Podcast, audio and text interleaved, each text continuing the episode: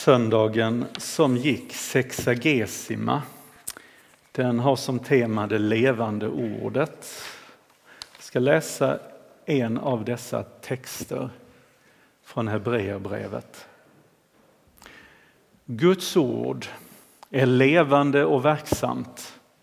Det är skarpare än något tveeggat svärd och tränger så djupt att det skiljer själ och ande, led och märg och blottlägger hjärtats uppsåt och tankar.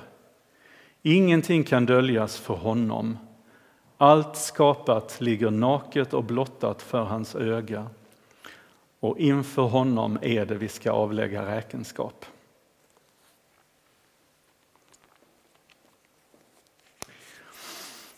Det här eh, Gudsordet som är som ett svärd det beskrivs nästan kirurgiskt eh, och psykologiskt, psykiatriskt nästan, att det, det tränger, skiljer led och märg, skiljer själ och ande. Eh, jag ska vara lite personlig, för det kan, vi är exempel för varandra egentligen i att detta inte bara är teorier eller någonting som man läser om i en bok utan det är en del av verkligheten på något sätt. Eh, och jag tror inte alls att jag är unik utan jag tror att många ruvar på upplevelser eller händelser där, där Gud har talat sitt ord rakt in i, rakt in i livet. Liksom. Det jag vill bara berätta lite grann det är från studietiden i Lund. Eh, två tillfällen egentligen. Kanske är jag lite motvalls eller lite egen så att Gud behöver liksom komma med sitt svärd så där lite grann och, och, och, och, och lysa ljus och, lysa väg på ett sätt som till och med kan vara obehagligt. Men hur som helst, jag behövde byta spår helt enkelt, studiespår. Eh, och eh, det var i en kyrka vid en lovsångsgudstjänst. Och detta är 35 år sedan alltså, som, oj vad åren går, som jag kom, kom, knappt in i kyrkan innan jag bara drabbades. Och, och, och, och jag, det blev till tårar. Jag, jag, bara kände på något sätt att Gud ville rikta in mig på ett nytt sätt. Jag förstod att det handlade om att läsa teologi.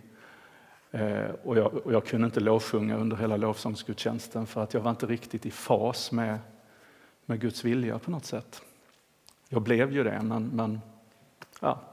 men sen så när jag hade läst teologi och eh, hade gjort hela utbildningen men så segade jag lite grann och visste inte riktigt hur jag skulle fortsätta.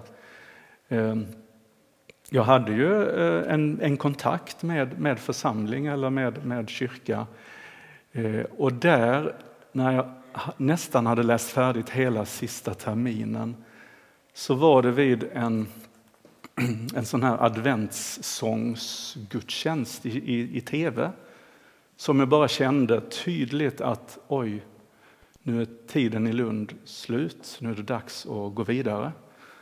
Det var bara en, en, en klarhet på något sätt. Jag visste inte vad det innebar riktigt.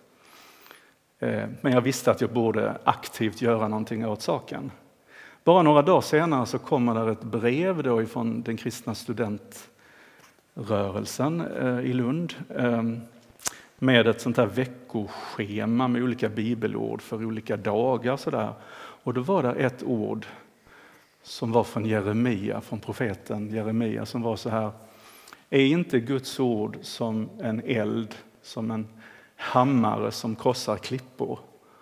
Och just när jag läste det så, så bara krossade det någonting hos mig så att jag blev skakad på något sätt. att ja men det du upplevde där söndagskvällen, sånggudstjänsten, första i advent eller om det var andra i advent. Det skulle du ju ha tagit med på allvar. Kom igen! Så att ett sådant ord som i sig självt berättar om Guds ordet som, som kraftigt, som, som krossar, kan även krossa hjärtats distans på något sätt eller hjärtats barriärer det blev så påtagligt i mitt liv så att jag fick direkt dagen efter ringa upp de kontakter jag hade för att ställa mig tillgänglig och till förfogande. Och sen gick det ganska snabbt faktiskt. Det levande ordet, det handlar alltså inte ytterst om Bibeln utan det handlar om Guds profetiska ord, Guds tilltal. Att Gud talar idag och han talar till, till hjärtan. Många gånger använder han Bibeln men han kan använda precis vad som helst. Det drabbade Johannes i öknen på ett, alltså det är så det är, en, det är en torftig läsning man kan läsa om. Men samtidigt så, så spännande egentligen.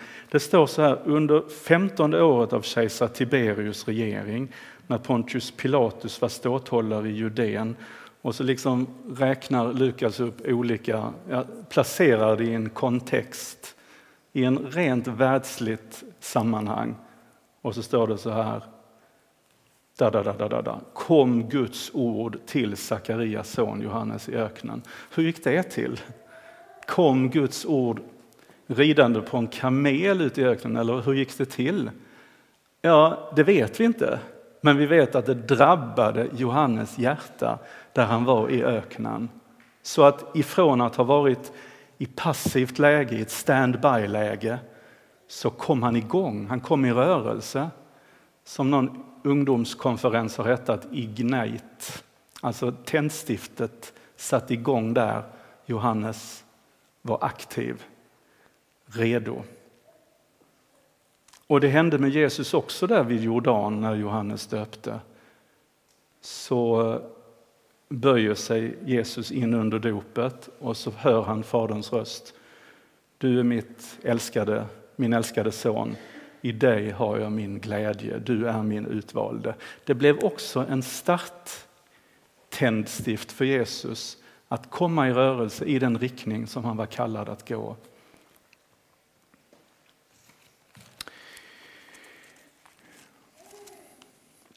Guds ord vill både uppmuntra och avslöja. Så det kan både vara hotfullt och hoppfullt på samma gång. Texten var från Hebreerbrevet. Jag ska avsluta med avslutningen på Hebreerbrevet. För här är två tilltal som kan upplevas både hotfullt och hoppfullt. Men även det hotfulla, det är Guds kärleks yttring när han vill hjälpa oss att komma rätt i livet. Om vi börjar med det hotfulla, alltså det där tillrättavisandet. Ehm, lev inte för pengar, står det här. Nöj er med vad ni har. Det kan träffa en människa i en situation där man kanske behöver få höra just det. Jag vet den helige Antonius som ni nog hört talas om på 400-talet. Han läste ifrån Matteus eller Lukas där det står om Jesu möte med den eh, rike mannen och där Jesus sa till honom när han ställde frågan hur ska jag få evigt liv? Sälj allt du äger och ge åt de fattiga, kom sen och följ mig. Och det gäller ju vissa, eh, det gällde den, den, den rike mannen och det gällde tydligen Antonius också för just det ordet drabbade honom typ 400 år senare genom skriften, genom evangelierna. Och Antonius drog sig ut i öknen och blev förebildande för många. Eh, bland ökenfäderna, han var en av dem.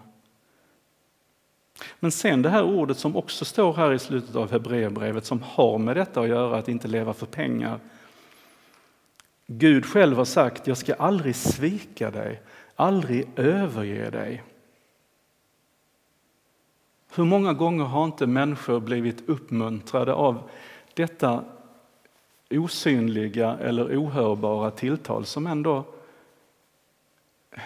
styrkt människor och gett lugn och ro i en kämpig situation där Gud försäkrar vad du än står i hur den virvelvind som ditt liv än är, så ska du veta att det finns en lugn punkt i din tillvaro som heter att jag ska aldrig lämna dig, aldrig svika dig. Så Gud tilltalar med rätt tilltal egentligen varje dag. Ibland kan det vara kärvt. Ibland så är det precis det som tröstar och uppmuntrar i, i rätt stund. Och du kan säkert i rätt tillfälle berätta om när Gud har rört vid ditt liv, talat in i ditt liv. Och Gud har inte bara gjort det för att det är en hemlighet mellan honom och dig, utan det kan vara någonting som andra också kan behöva höra. Hur Gud engagerar sig i våra vardagsliv och det vi står i. Låt oss be.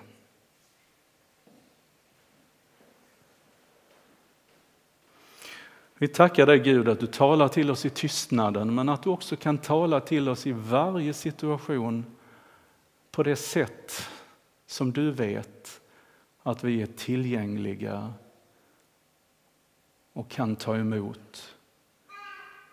När du vill korrigera oss eller när du vill uppmuntra oss och leda oss, trösta oss och ge oss det hopp som vi behöver inför kommande dagar.